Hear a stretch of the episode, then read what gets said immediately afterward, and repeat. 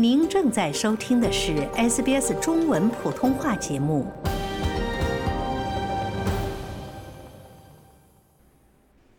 尽管有预测认为澳大利亚一月份通胀率会有所上升，但最新的数据显示，通货膨胀率仍保持在两年来的低位水平，而这一情况进一步增强了市场对利率不太可能继续上升的预期。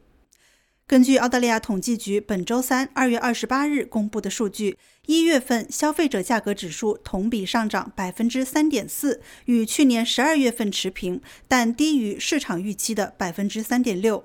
备受关注的另一指标结尾均值通胀率同比上涨百分之三点八，略低于去年十二月份的百分之四点零。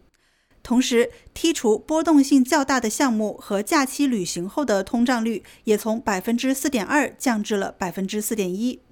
目前，市场关注的焦点已经转向即将发布的二月份数据，投资者希望从中寻找澳大利亚储备银行未来政策方向的线索。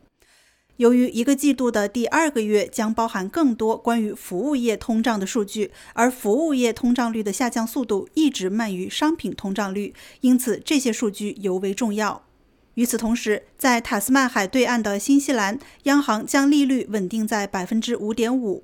新西兰储备银行还下调了对未来现金利率峰值的预测，从之前的百分之五点七降到了百分之五点六。这一鸽派举动进一步暗示了新西兰也可能结束紧缩政策。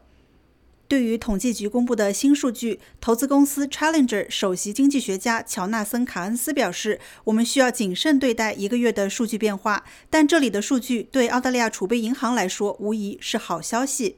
他补充道：“真正的问题在于服务业通胀的情况。”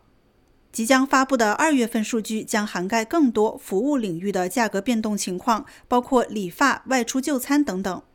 澳元对这一数据反应平淡，微跌百分之零点一至零点六五三八美元附近。三年期债券期货价格维持在九十六点二四的水平。具体来看，一月份的消费者价格指数环比下降百分之零点三，主要原因是假期旅行、服装和汽油等价格下降所致。其中，假期旅行价格环比大幅下降百分之五点二。与此同时，租金同比上涨了百分之七点四，与去年十二月份持平。这表明租金通胀可能已经触顶。